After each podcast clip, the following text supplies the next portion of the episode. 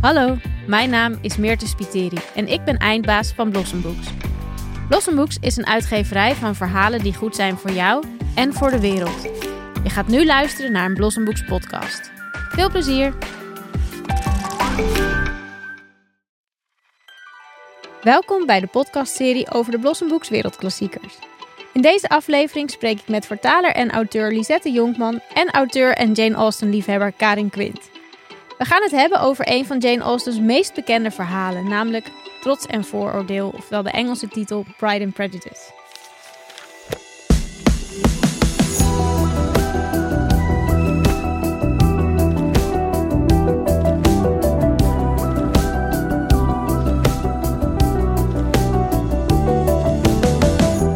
Jane Austen groeide op in Hampshire in Engeland als dochter van een dominee.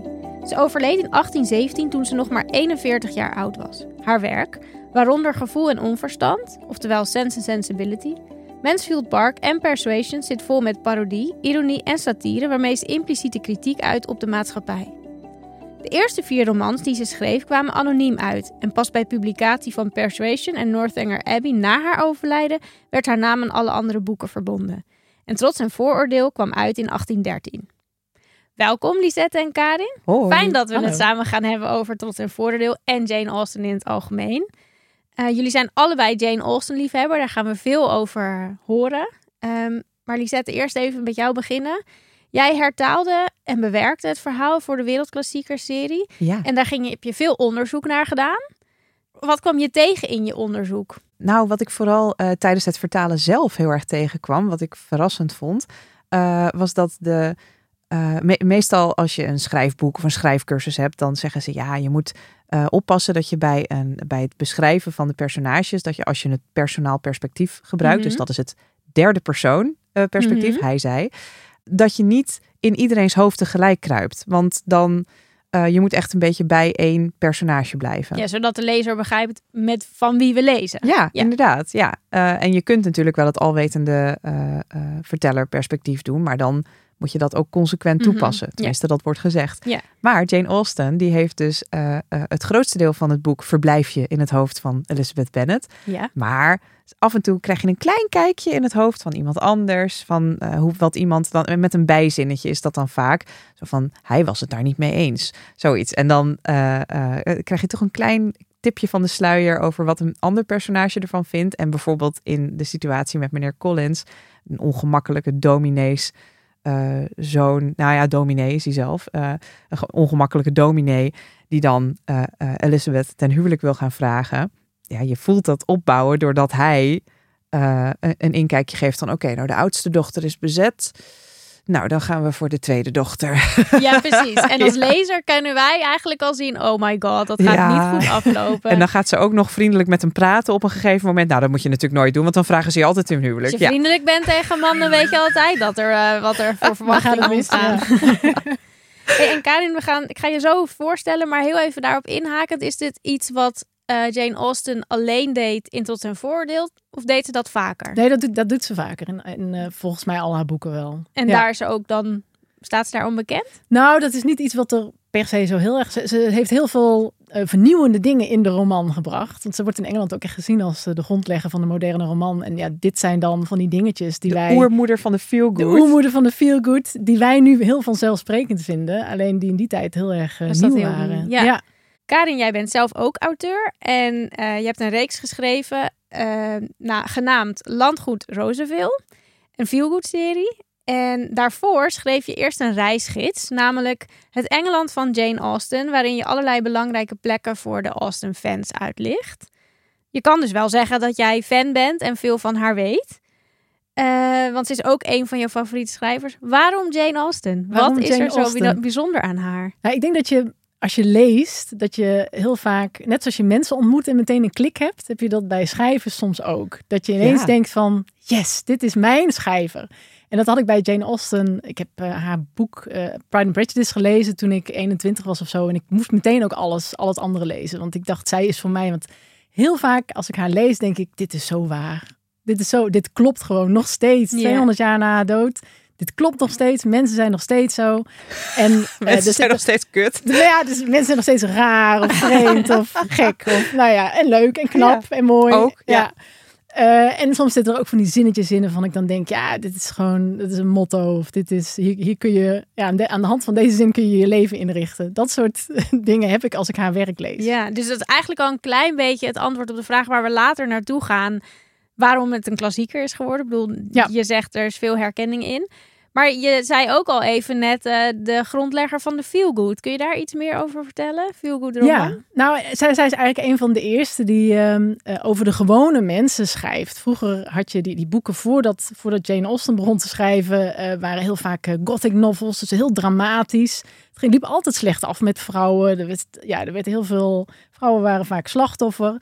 Eh, en zij had vrouwen die gewoon hun leven probeerden in te richten. Dus gewone mensen, en dat is wat feel good vaak ook is. Gewone mensen die iets overkomt, die op zoek zijn naar liefde of misschien naar een baan of een bestemming in het leven.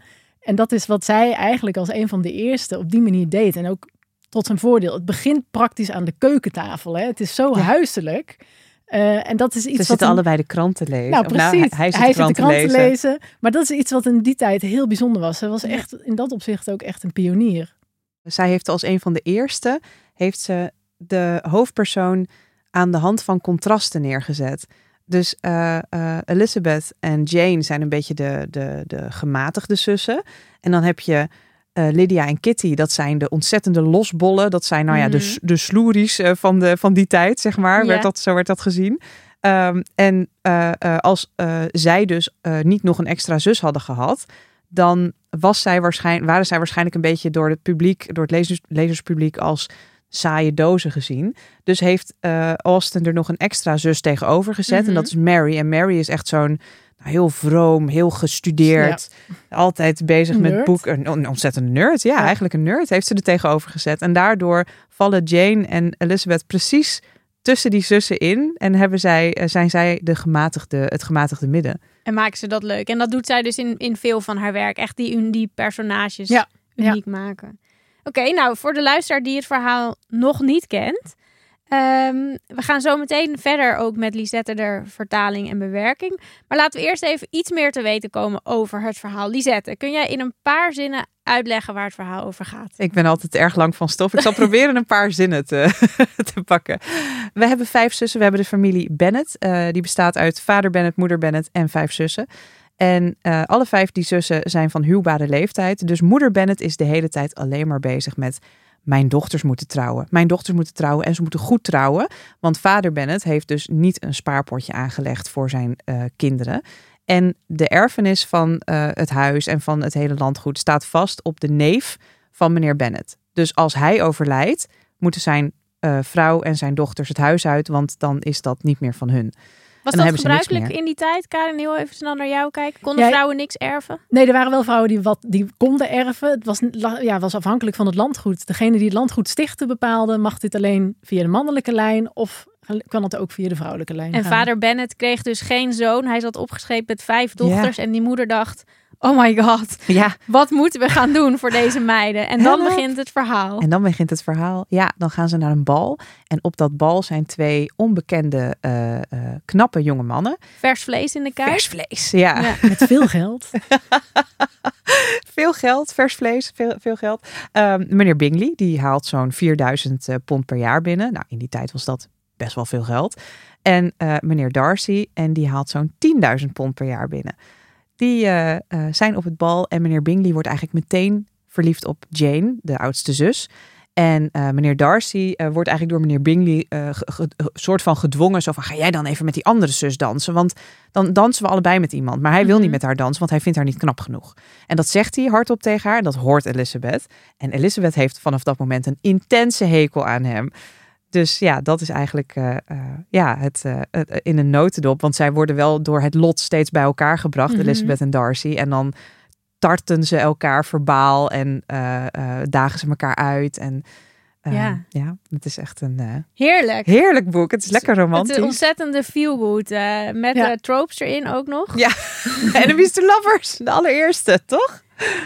Nou, dan gaan we dus nu even luisteren naar een stukje van jouw eh, hertelling.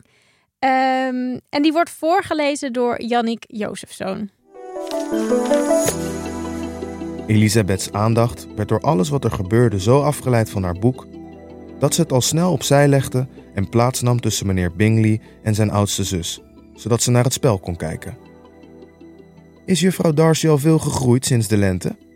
vroeg juffrouw Bingley aan meneer Darcy. Wordt ze zo lang als ik ben? Ik denk het wel, antwoordde hij. Ze heeft nu ongeveer juffrouw Elisabeths lengte, of misschien iets langer. Ik zou haar zo graag weer eens zien, riep juffrouw Bingley uit. Ik heb nog nooit iemand ontmoet van wie ik zo verrukt was. Zo'n mooi gezichtje, zulke goede manieren en zo extreem begaafd voor haar leeftijd. Ze bespeelt de fortepiano voortreffelijk.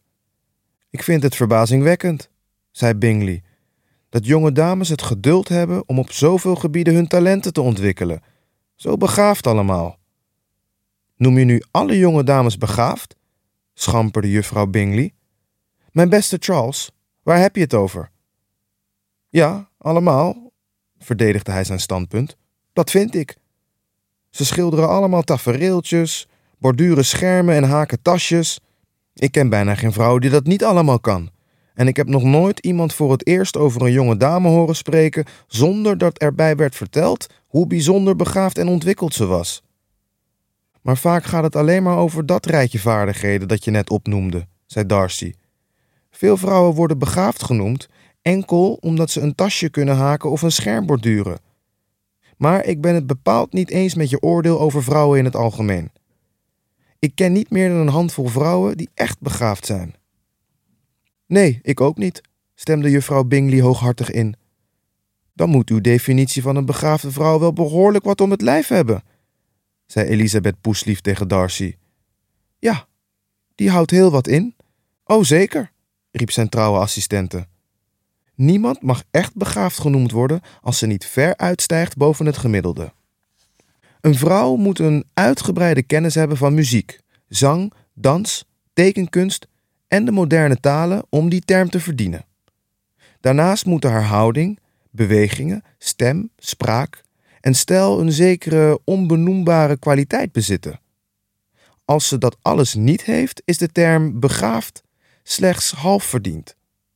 Dat moet ze inderdaad allemaal belichamen, voegde Darcy eraan toe. En bovendien moet ze, en dat is van wezenlijk belang, haar geest constant verrijken door veel te lezen. Elisabeth knipperde perplex met haar ogen.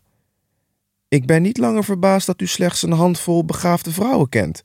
Ik vraag me inmiddels af of u er überhaupt een kent. Oordeelt u zo hard over uw eigen sekse dat u betwijfelt of dit allemaal mogelijk is? vroeg Darcy. Ik heb nog nooit zo'n vrouw ontmoet, zei Elisabeth. Ik heb nog nooit die bekwaamheid en goede smaak en toewijding en elegantie die u beschrijft, verenigd gezien in één persoon. Larikoek. Ik ken juist heel veel van dat soort vrouwen, protesteerde juffrouw Bingley. Ik ook, riep mevrouw Hurst uit. We zitten zelfs aan tafel met minstens één zo'n jonge dame. Voordat juffrouw Bingley vals bescheiden kon reageren, merkte meneer Hurst wrevelig op. Heeft dan niemand de aandacht bij het spel? Waarom spelen we eigenlijk? Als iedereen alleen maar aan het kletsen is. Aangezien er daardoor een einde kwam aan het gesprek, verliet Elisabeth kort daarop de kamer. Dat was dus een stukje uit jouw uh, hertaling, Lisette. Ik denk dat we heel goed hebben meegekregen wat voor maatschappijkritiek hierin zit. Zelfs die tijd uh, al, denk Het was vrij openlijk, hè? Het was vrij openlijk. uh, daar kunnen we het zo meteen ook nog even hebben over wat de feministische thema's, of die veel terugkomen in Jane Austen. Nou ja, de opstandigheid van Elizabeth Bennet als personage is goed, goed merkbaar. Maar wat kun je iets meer vertellen over deze hertaling? Hoe heb je dit aangepakt? Uh, zijn er dingen die je hebt veranderd? Wat is uniek aan Jane Austen's stijl? Neem ons even helemaal mee vanaf het begin. Het begon in de zomer van 2020. Toen uh, zei uh, Evelien Evertse tegen mij: Goh, zou het niet leuk zijn als jij de volgende wereldklassieker vertaalt? Um, en dat het dan Jane Austen is. En iets van Jane Austen. En dat zei ze niet tegen mij in een privégesprek, maar dat zei ze tegen mij gewoon op Instagram uh, uh, in Waardoor haar stories. heel de wereld het kon lezen. Ja, en ze tagde ik. jou Ja, erin en ze tagde mij erin. En nou, dus toen, um, waren er heel veel mensen die erop gingen reageren. Die zeiden ja, ja. Eh, dus toen dacht ik, oh, het lijkt me ook echt heel leuk. Ja. Eh, en toen belden wij, geloof ik, eind van de zomer. Zo van, goh, is dat, zullen we dat gewoon doen? en toen zeiden we eigenlijk allebei, ja, leuk, goed idee. En toen waren we er al vrij snel uit dat we trots en vooroordeel op zouden gaan pakken. We hebben nog even overwogen om een andere titel te bedenken daarvoor. Maar ja, trots en vooroordeel is toch wel de bekendste vertaling van Is dat een ding Pride geweest? Prejudice. Ja, we hebben het heel kort gehad over of er nog een andere titel op zou moeten zitten. Omdat Um, hij is eerder in het Nederlands, moet je me even helpen, is, in het Nederlands is hij ook uitgekomen onder een andere titel. Waan en Eigenwaan. Dat was een titel. En dan zijn er, ik, de eerste die ik las heette De, de Gezusters Bennett. Oh, serieus? Uit de jaren 60. Ja. ja, dus je hebt verschillende vertalingen met verschillende titels. Maar tot zijn voordeel is wel een beetje de, wel de, grote, de grote vertaling. ja. ja, nu je dit vertelt, denk ik ook, okay, dat is een zwart gat in mijn brein. Maar dat ik ook kom, is dit, waarom is dit überhaupt een discussie geweest? het klinkt zo voor de hand liggend, maar ja, goed, ga Dat is een vooroordeel, ja. ja. Nee, dus toen uh, besloten we die te gaan doen. En uh, wat, wat daarin, het is een kleine bekentenis voor mij, wat daarin enorm meespeelde was dat ik Trots en Vooroordeel, ik denk twaalf keer gelezen heb en alle andere boeken van Jane Austen nul keer. dus, oei, oei, oei, dan neem ik ja. dus ja, ik heb gewoon een favorietje en die, ja, daar, daar dook ik elke keer met de feestdagen, dan, dan herlas ik hem, maar dan spreidde ik hem vaak uit. Een beetje zo, dan veegde ik hem zo richting februari, dat ik hem echt uitlas. Want uh, het origineel, daar zitten natuurlijk wel lange zinnen in en zo. En het is wel. Kun je wat meer um, vertellen over het origineel? Wat is nou die stijl? Zeg maar, waar heb je aan moeten werken? Want we, we maken het, het, orgi het um, origineel beschikbaar voor de lezers van nu. Mm -hmm. En we willen natuurlijk dat de stijl zo goed mogelijk bewaard blijft, maar ook nou, dat er misschien een aantal dingetjes dat we denken, oké, dat mag iets vlotter of dat zouden we nu niet meer zo doen. Ja, Kun je daar iets meer over vertellen? Ja, mijn grootste um, punt was dat de, de zinnen die Jane Austen maakt, sowieso is dat een dingetje met Engels-Nederlands. Engelse zinnen kunnen veel makkelijker, veel langer zijn en dan zijn ze nog steeds leesbaar en begrijpelijk dan Nederlandse zinnen. Uh, Nederlandse zinnen werken gewoon niet, want dan heb je allemaal van die werkwoordgroepjes die dan zo bij elkaar gaan clusteren. En dan denk je, wat hebben houden zullen woorden zijn te, te, te, te hebben te zijn, mm -hmm. te zitten. Dus uh, uh, dat, dat, dat moet je gaan opknippen. Dus ik had sowieso al bedacht, uh, de zinnen moeten korter. Dat de eerste was... mail die jij volgens mij stuurde was, ik ga een grote crime begaan, want ja. ik ga de welbekende eerste zin opdelen. Vind je dat oké? Okay? Ik dacht, ja prima. Vond je niet heel eng? Ik vond het dood eng. maar dit schijnt ook echt een ding te zijn. Karin, hier weet jij ding. misschien ook wel meer van. Weten jullie hem uit je hoofd, deze ik, zin? Ik, ik, pak hem even erbij. Ik ken hem in het jij Engels, maar niet in, niet in jouw vertaling. Nou, nou doe hem even jij in het Engels en dan doe jij de...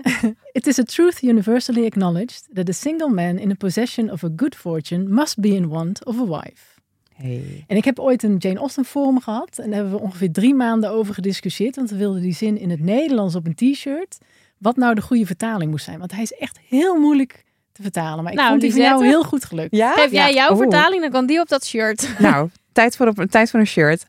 Als een man vrijgezel en vermogend is, moet hij wel op zoek zijn naar een echtgenote. Dat is zo'n beetje een algemeen bekende waarheid. Dus jij hebt hem omgedraaid, wat waarschijnlijk andere vertalers hebben gedaan. Het is een algemeen, ja. algemeen bekende waarheid dat. Oké, okay, dus die zinnen, dat waren dingen waar jij uh, tegen Ja, ik heb eigenlijk uh, overal um, overal waar ik een keuze moest maken, heb ik gekozen voor leesbaarheid uh, boven, boven stijl. En dat is ja, op sommige plekjes uh, wrong dat wel een beetje. Dus daar heb ik sommige dingen heb ik weer terug veranderd. Dat ik dacht, ja, nee, dat is toch.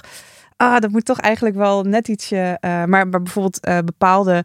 Op een gegeven moment zegt Darcy in het Engels bij zijn, zijn tweede aanzoek bij Elizabeth, mm -hmm. dan zegt hij: I learned to hope.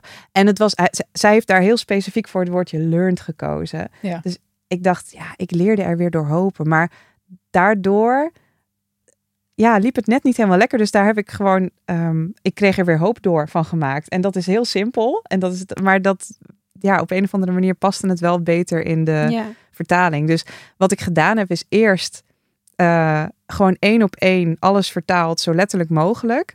Uh, ook met moeilijke woorden erin en mm -hmm. dan maar zo. Daarna ben ik met, dat, met die ruwe versie gaan werken. Ik heb jou geloof ik ook, ik stuurde jou steeds versie zoveel, versie zoveel. Mm -hmm. Dan zag je er V, V12. Zo. Ik geloof dat ik tot versie Veel 12 versies, heb gewerkt. Ja, ja uh, dus eerst ben ik op de, de leesbaarheid gaan zitten. Maar dan wel nog met de eh, eh, sommige, sommige moeilijke woorden erin. Maar dan gewoon het uh, doormidden knippen van zinnen. Dat Mhm. is soms al een hele grote beslissing. Ja, En zoals daarna, deze eerste zin. Ja, precies. Ja, het is echt wel een, eh, een, een issue. En sommige mensen zeggen ook echt, ja, ik vind, ik, ik vind het een, een misdaad. Ja. Ja.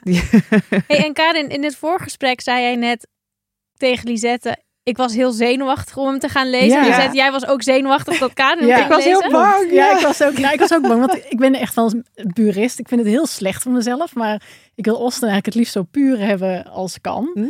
Eh, en ik weet, in, eh, in, tijdens het leven van Jane Austen is een Franse schrijfster haar boeken gaan vertalen. En die was het soms gewoon niet eens met hoe het afliep. Dus die bed- bedacht er dan gewoon een ander einde aan. ik was een beetje bang dat jij, dat jij ook er zo mee aan de haal was gegaan. Ja. Maar ik, ik begon te lezen en ik heb ook het origineel erbij gehouden. Oh. Eh, maar ik moet zeggen dat, het, dat ik er bijna niet merkte eh, wat jij precies had gedaan. Maar dat het heel Oh. natuurlijk voelde. Eh, alleen de aardappelen. Ja, dat was een Er knipoogje. zitten aardappelen in. Ja. En, eh, Even voor de lezers. Voor de lezers, ja. Wat, of voor de luisteraars. Wat, zijn er, wat is er met de aardappelen? In de verfilming uit 2005 eh, heeft Mr. Collins het over aardappelen. Of die Mhm. wel of niet door de, door de dames Bennett zelf gekookt zijn.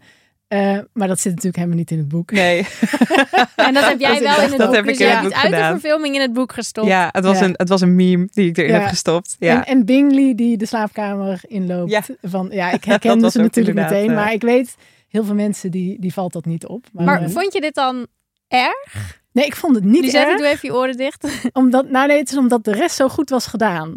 Ja. Dus ik, ik zei het tegen mijn vriend ook. Mm. Van, ik, ik vergeef er al die dingetjes omdat het uiteindelijk zo goed geworden is. Oh, Dus dat, ja, bij is wel deze. echt Dat een lief. compliment. oh ja. dankjewel. Ja, het is echt een heel groot compliment van jou ook. Want jij bent inderdaad echt een, eh, een Olsten eh purist. Een purist, ja. Ja. ja. Dat zijn hele vervelende mensen.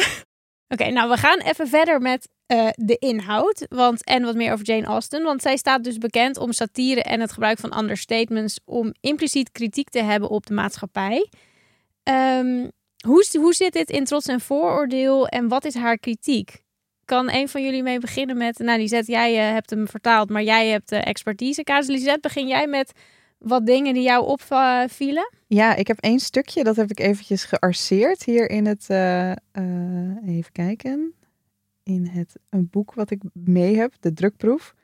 Want ik dacht, ik kan het boek wel meenemen, maar dan moet ik daarin gaan vouwen en zo. Hmm, dat doen we niet. Nee, we, we doen geen ezelsoren. Nou, Karin, anders als Ja, jij ondertussen. Eh, nou, in zijn algemeenheid denk ik ehm, dat wat uit Pride and Prejudice heel duidelijk wordt, uit Trots een Voordeel, is dat eh, vrouwen volledig afhankelijk waren van mannen in alles.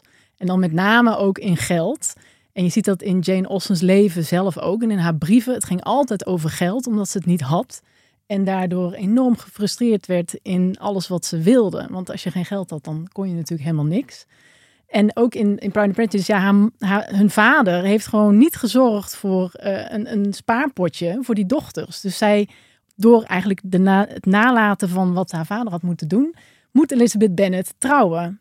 En op dat moment, ja, Ja, want iedereen vindt die moeder de hele tijd heel Ja. hysterisch en maar die is verschrikkelijk en eigenlijk irritant. verstandig. Ja, zij is eigenlijk heel goed bezig. Want Ja. zij is bezig met wel haar dochters onder de pannen brengen. Mhm. En eh, dat ze een toekomst Ja. hebben. En, En- zij zelf daardoor ook. Dus maar het is ook echt wel duidelijk dat de vader die heeft eigenlijk steken laten Die vallen. heeft En dan heeft hij ook nog eens dat huis eh, vererfd aan de neef. Ja, ja, dus hij heeft dubbel op, eh, want hij rekende erop dat hij een zoon zou krijgen. En die Ja. kwam er niet. En eh, ja, gewoon überhaupt Jane Austen, die had zelf ook geen geld. En die was zelf afhankelijk van de broers. Die heeft zelf ook een huwelijksaanzoek afgewezen, Afgeslagen, ja. afgeslagen.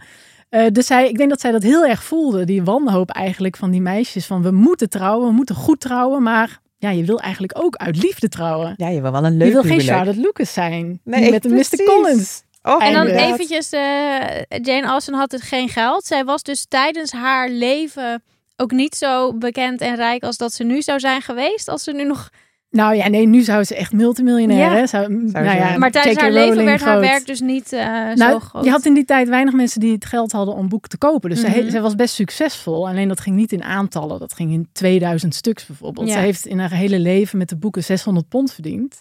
nee. Ja, 600 pond. Kun je nagaan wat voor een industrie het nu is. Als je dat vergelijkt met die 4000 eh, pond jaar inkomen, dan... Ja. ja. Nou ja, zij heeft dat inderdaad belegd en dan kreeg je er 5% rente. Dus dan heb je, wat is het, eh, 30 pond per jaar wat ze dan voor zichzelf had Mhm. om uit te geven. Maar daar kon je niet van leven. Dat was puur voor, voor kleding en voor cadeautjes en dat soort dingen. Dus het, ja, zij was altijd afhankelijk van haar broers. En dat, dat vond zij verschrikkelijk. Ze heeft ook in een van de brieven over... als ik ooit zelf geld verdien, dan kan ik zelf bepalen waar ik naartoe ga. Dat soort Het is vrijheden. ook wel die- schrijnend eigenlijk. Hè? Dat zij nu schrijnend. zo bekend is en dat Ja. ze dus tijdens haar leven... Ja, eh, en nog heel even een zijstapje met naar je net, wat je net vertelde. Van, nou, er, niet veel mensen hadden geld om boeken te kopen. Eh, dus dat was echt weggelegd voor de rijken. Maar Ja. in haar verhalen heeft ze veel maatschappijkritiek ook wel op het rijke systeem. Ja. Wilden de rijken dan wel kritiek lezen over zichzelf? Ja, ze vonden dat hilarisch. Ze vonden dat heel leuk om sowieso in het hoofd van vrouwen te kunnen kijken. Die, een- Oh, vrouwen oh, die zo vrouwen. eerlijk waren. Ja, Die vrouwtjes vrouwen. die alleen maar kunnen handwerken Ja, en dat was heel populair bij, mannelijke lezers ook. Hè. Wij, tegenwoordig denken we altijd Jane Austen is alleen voor vrouwen. Maar ze was in haar tijd gewoon heel populair bij mannen. Omdat die een, ja, een inkijkje kregen in van hoe werkt dat vrouwenbrein nou eigenlijk. Eh, en er werd ook gedacht dat zij echte voorbeelden nam voor haar personages. Dus mensen gingen roddelen onderling van wie, wie is nou Mr. Darcy en wie is Oh, nou ja. Mr. Bingley. En en zo werd dat dus een heel erg, eh, ja, eigenlijk een soort spel binnen die hogere Ja. klasse.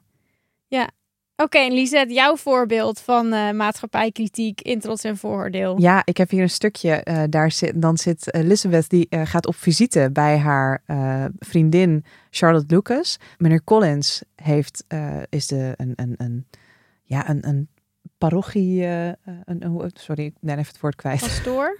Pastoor. Dominee. Ja, dominee, ja. Sorry. Eh, meneer Collins is een dominee. En meneer Collins eh, heeft eigenlijk Elizabeth ten huwelijk gevraagd. Maar Elizabeth heeft gezegd, haha, nee dank je. Eh, en eh, dat wil ze dan eigenlijk gaan vertellen aan Charlotte Lucas. En Charlotte Lucas die, nou ja, die denkt, ik ben 27, ik ben een oude vrijster. I'll take what I can get. Ehm, meneer Collins, kom maar door. Dus eh, dan gaat ze op visite bij eh, Charlotte als ze eh, getrouwd is met meneer Collins. En dan zitten ze op de thee bij mevrouw Cath- Lady Catherine de Borough. Borough, Borough. We gaan Ja. het nog een keer doen. Bro. Burke. Bro, yo bro. ook Bur- Burke zeggen. Lady Catherine de Burgh. Ja. ja, precies. Dat mag gewoon. En dan ondervraagt Lady Catherine haar over haar, ja, haar afkomst eigenlijk.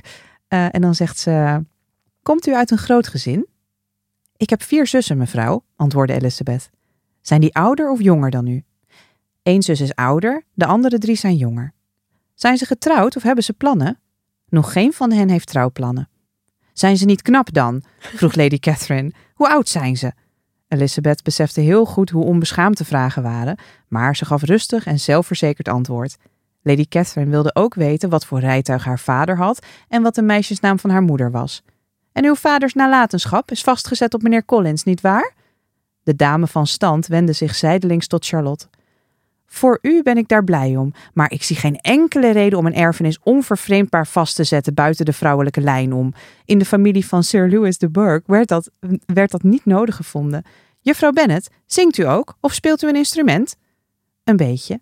Oh, dan horen we bij een andere gelegenheid graag eens. Ons instrument is van de beste kwaliteit, waarschijnlijk beter dan. Ze onderbrak zichzelf, een zeldzaam blijk van tact dat Elisabeth deed vermoeden dat ze van plan was geweest haar instrument wellicht onterecht te vergelijken met de piano's aan het hof en niet met wat de familie Bennet thuis had staan, want dat had ze zich vermoedelijk, dan had ze zich vermoedelijk niet ingehouden. U moet het snel eens uitproberen. Spelen en zingen uw zussen ook? Eén van hen wel. Waarom hebben jullie het niet allemaal geleerd? Jullie hadden het allemaal moeten leren. De jonge dames Webb spelen allemaal en hun vader heeft een lager inkomen dan uw vader. Tekent en schildert u wel? Nee, helemaal niet. Wat, geen van allen? Niemand van ons. Dat is wel heel vreemd, prevelde Lady Catherine. Nou, en dan gaat het zo nog een poosje door. Dus Lady Catherine is ook wel een beetje hier. Het, een beetje het soort van het maatschappijkritische geweten. Die lekker al die vragen gaat stellen. Waardoor mensen dan denken: oh ja, oh ja, of niet? Toch? Dat, dat eh, is denk ik. Ja, Lady Catherine is eh, sowieso de om, zij verbeeldt de onbeschaamdheid van de hogere Ja. klasse. Zij kan zich alles veroorloven en zij mag alles zeggen. Ja, en Zich iedereen overal moet mee bemoeien. Ja, precies. Ja. Zij kan zich bemoeien met een klein huishouden en hoe je dat moet runnen, terwijl ze dat nog nooit gedaan heeft. Eh, en ja, mensen mogen niks terugzeggen, want ja, zij is, eh, zij is Zij een weet beetje... het beter, want zij heeft geld. Ja, precies. Oké, nou dan gaan we snel verder naar de volgende. Namelijk ehm, dat de titel of, van het boek aanvankelijk First Impressions was geweest. En ja, nu is het Pride and Prejudice dus ofwel Trots en Vooroordeel. Maar waarom zou First Impressions een goede titel zijn geweest? Ja, dat was eigenlijk de, de eerste versie van Pride and Prejudice was een eh, briefroman. Dus het was een heel ander soort verhaal dan die we nu, wat, wat het nu is.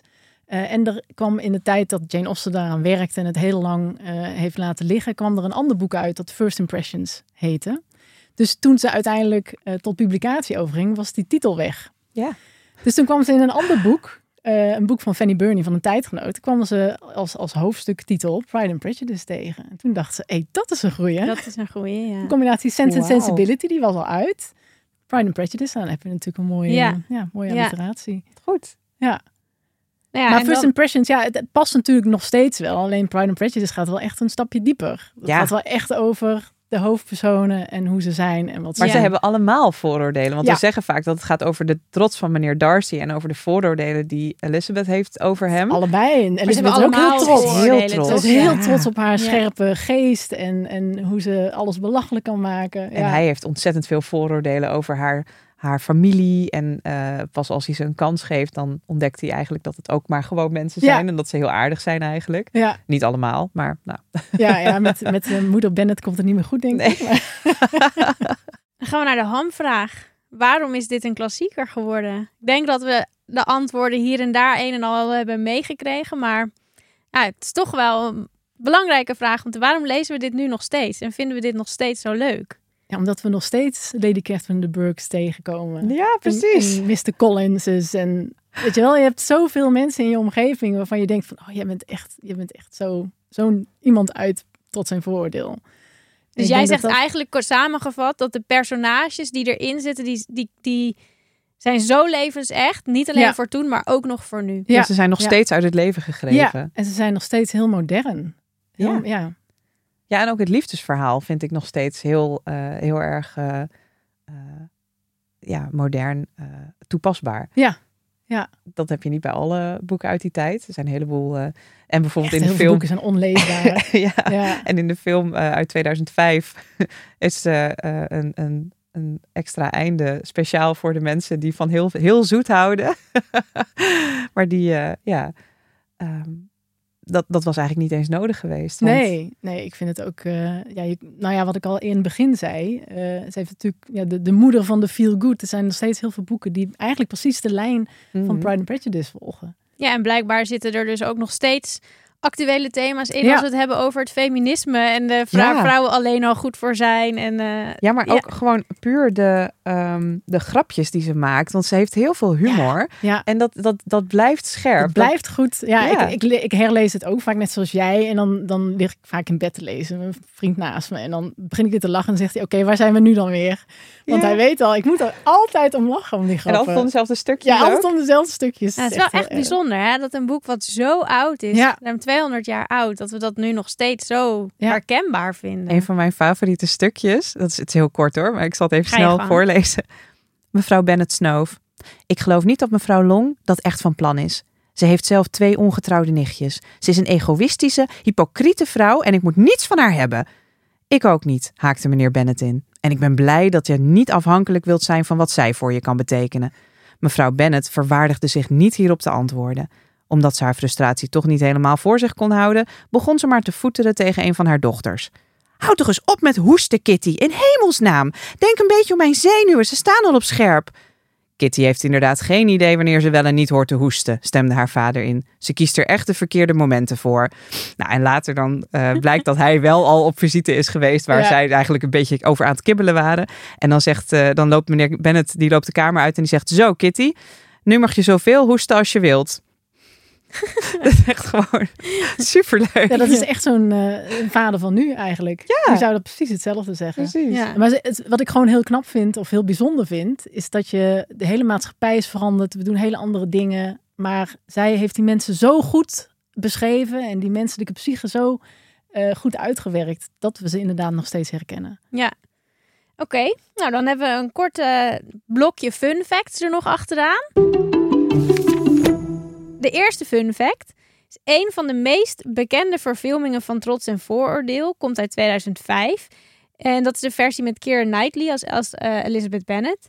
En het is een heerlijke verfilming. Maar vanuit de Jane Austen fanbase is veel kritiek omdat de regisseur redelijk vrij met het bronmateriaal is omgegaan. En een fun fact, jij stipt het net al heel even aan. Regisseur Joe Wright heeft twee verschillende eindes uitgebracht.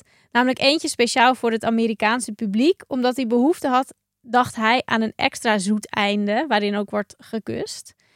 Ja, als uh, Jane Austen fans hebben jullie deze natuurlijk gezien. Wat vinden jullie van deze twee eindes en dan ook nog eens extra zoet en uh, het, het, hele vrij omgaan met het bronmateriaal? Ja, het is niet mijn favoriet. Er zitten echt wel goede dingetjes in. Um, maar Joe Wright die begon al met: Ik heb een hekel aan bonnets. Bonnets zijn die hoedjes die in die tijd gedragen werden. Dus niemand draagt een bonnet. denk ik, ja, waarom maak je een Jane Austen verfilming als je, nou ja, die vrouwen geen bonnet wil geven? Um, maar dat einde, ik vind eigenlijk allebei de eindes niet zo heel erg uh, bevredigend. Ik, had, ja, ik vind eigenlijk het boek heeft het perfecte einde. Dat heeft eigenlijk nog een soort epiloog. Ja. Waarin, ze, waarin uh, Darcy en Elizabeth nog een beetje praten over wanneer werden we nou verliefd op elkaar. Mm -hmm. En dat, dat, ja, de volgende verfilming moet dat hebben. Ja, eigenlijk wel, hè? Ja. Ja, ja het. Um, uh, ik, ik moet zeggen, ik ben dus echt een beetje opgegroeid met de 2005-editie, want die kwam uit toen ik uh, op de middelbare school zat. Dus ja, ik, uh, wat dat betreft is Kira Knightley mijn ultieme Elizabeth Bennet. Mm -hmm. Maar ja, Colin Firth blijft toch wel een beetje uit, 19, uit de 1995 miniserie, blijft wel een beetje mijn meneer Darcy. En ik denk niet dat ik de enige ben. Nee, nee. Maar, dat, maar en welke van die twee eindes vinden jullie dan het beste? Ik vind het, de, het einde zonder het Zonder zoete. Ameri ja, dat die Amerikaanse einde is echt, je krijgt er gewoon gaten van in je kiezen. Het is zo zoet is, het is verschrikkelijk. Ploink, het glazuur zo Ja, bij je tanden af. Ja, dus eh, nee, dat het past ook helemaal niet bij de rest van de film. nee, Dat is, eh, ja. dat is het vooral. Het Het is een stijlbreuk. Ja. Ja. Dus je kan eigenlijk, als je een beetje goed oplet, zie je gewoon film. Oh, dit is een gek einde. Dat ziet er ineens heel anders uit. Ja. Zeg Maar dat. Oké, nou leuk. En dan hebben we nog een fun fact. Namelijk, deze is, spreekt jou denk ik heel erg aan, Lisette. Het gelijknamige boek en de film Bridget Jones' Diary is geïnspireerd door Trots en Voordeel. Dat wist ik eigenlijk niet, wel, terwijl ik dat wel erg leuk film vond. Eh, en boek moet ik natuurlijk zeggen. Ehm, in de verfilming speelt Colin Firth het personage die gebaseerd is op Mr. Darcy, namelijk Mark Darcy.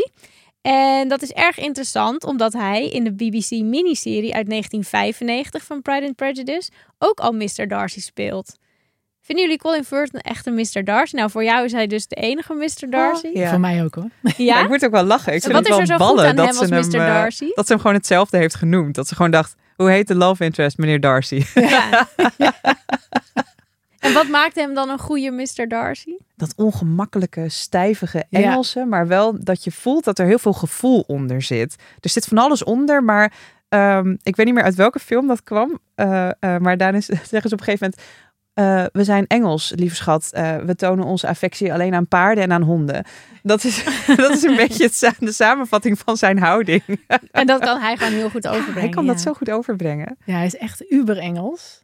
En hij heeft ook dat lange en dat knappe. En als hij lacht, heeft hij een heel ander gezicht. Dat vooral. Dat ja, zijn ook, gezicht hè? gaat helemaal open. hij gaat dan. helemaal open, terwijl hij heel erg stug lijkt. En dan ineens denk je, oh nee, er zit iets heel anders achter dat gezicht. Het is een Ja. hele andere man dan dat je denkt. En dat is natuurlijk wat het, ja, het verhaal is eh, van dat Mr. Mr. Darcy. Darcy eigenlijk een, een, een of andere lompe boer van Hork, wat Ja. jij zei. Maar eigenlijk als hij dan gaat lachen, dan denk je, oh, Ja, zwijmel. hij heeft gewoon En als we het nodig. toch even over die miniserie hebben, als je die vergelijkt met de verfilming, wat moeten we dan aan de luisteraars meegeven? Oké, lees het boek van Lisette. Lees vervolgens Sowieso. jouw boek, Karin, om even te kijken waar je allemaal naartoe Ja, moet in Engeland ja, om op te visite te, plannen. gaan. En dan heb je nog tijd voor een film, onderweg daar naartoe, als je met de trein gaat. En welke moet je dan kijken, de miniserie of de film? Als je met de trein gaat, dan heb je wel tijd. Dan kun je ze allebei kijken, toch? Oké, ik wil graag een beetje vertraging Oh, is. sorry. Ja, ik, ik zeg altijd de miniserie, omdat die, nou, die is nagenoeg perfect. dat, ja, ik kan daar niks. Alleen die is inmiddels natuurlijk wel ouder. Dus ik kan me voorstellen dat jongere eh, kijkers meer met de film hebben. Ja, ik denk Omdat hij er anders uitziet. En ja, Ja, meer het is actie in historisch, dus ja, nou uit 1995 komt uit... eh, Ja, Ja, ja. eigenlijk moet er gewoon in 2025 weer een Mobieltjes nieuwe film... hebben ze toch eh, niet? Nee, Ja, er zijn al heel lang plannen voor om een nieuwe verfilming van Pride and Prejudice te maken. Alleen ik denk dat nou niemand het echt aandurft. Oeh, Want het is echt is zoveel natuurlijk heel spannend. Nou ja, ik vind het echt zo moedig dat jij deze hertaling Nou, ik moet ook zeggen, Meerte maar- kan dit onderschrijven. Ik heb diverse keren de deadline achteruit geduwd. Ook omdat mijn laptop een keer kapot ging. Mhm. Maar ik heb diverse keren ook gewoon over de deadline heen ge, ge- gedribbeld. Omdat ik gewoon dacht, ja, ik ben, dit is nog niet goed. Het, is, het moet beter. Het moet, Ja, maar ja, wanneer ben je klaar met schaven? Hè? Dus op Ja. een gegeven moment, puur door de druk van de deadline, heb ik het dan maar losgelaten. Zo van, oké, nu moet het, want het moet, Ja. het moet weg.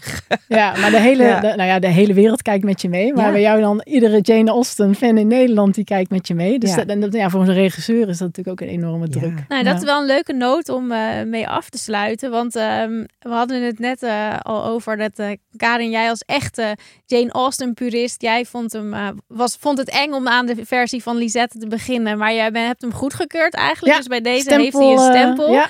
by Karen approved. Ehm, maar Lisette, even tot slot. We hoeven het er niet lang over te hebben, want de tijd is ook om. Maar heb je negatieve reacties gekregen van mensen die vinden dat je eh, iets hebt gedaan wat echt niet kan? Nou, er, er is één moment en dat ik heb die vrijheid genomen omdat ik eh, er is één zin. Eh, als op het moment dat eh, Darcy, het is wel een spoiler, dus als je echt helemaal geen spoilers voor een ruim 200 jaar oud boek wilt, dan moet je even nu de podcast afzetten. Maar eh, tijdens het tweede aanzoek van meneer Darcy, waarop Elizabeth natuurlijk ja zegt, is er één zin en die, ik weet hem niet meer in het Engels, maar het, het impliceerde echt, wat mij betrof, kon het een kus impliceren. En ik dacht, ik neem die ruimte. Dus er is een heel klein kuis mini-kusje in het aanzoek eh, die ik erin heb gezet. En eh, daar heb ik wel een aantal mensen over gehoord dat ze zeiden, ja, dat had nou weer niet gehoeven van mij. dus dat is dan weer, ja, dat is wel grappig dat daar, want er zijn ook een heleboel mensen die zeiden, er zit een kus in. Ah! Ja. Eindelijk na Ja. 200 jaar Ja, hebben we een kus.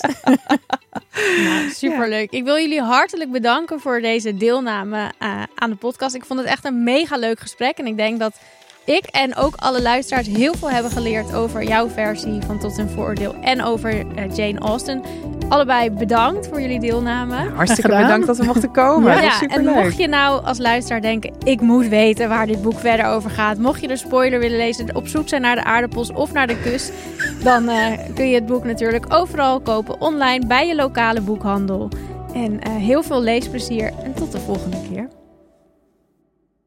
Je luisterde naar een Blossomboeks podcast. Gemaakt in samenwerking met Spraakmaker Media en onder redactie van Moshe Veli. Deze podcast is mede mogelijk gemaakt door subsidie van Stichting Wij Eisen Kinderboeken. Wil je meer weten over wat wij doen? Neem dan een kijkje op www.blossomboeks.nl.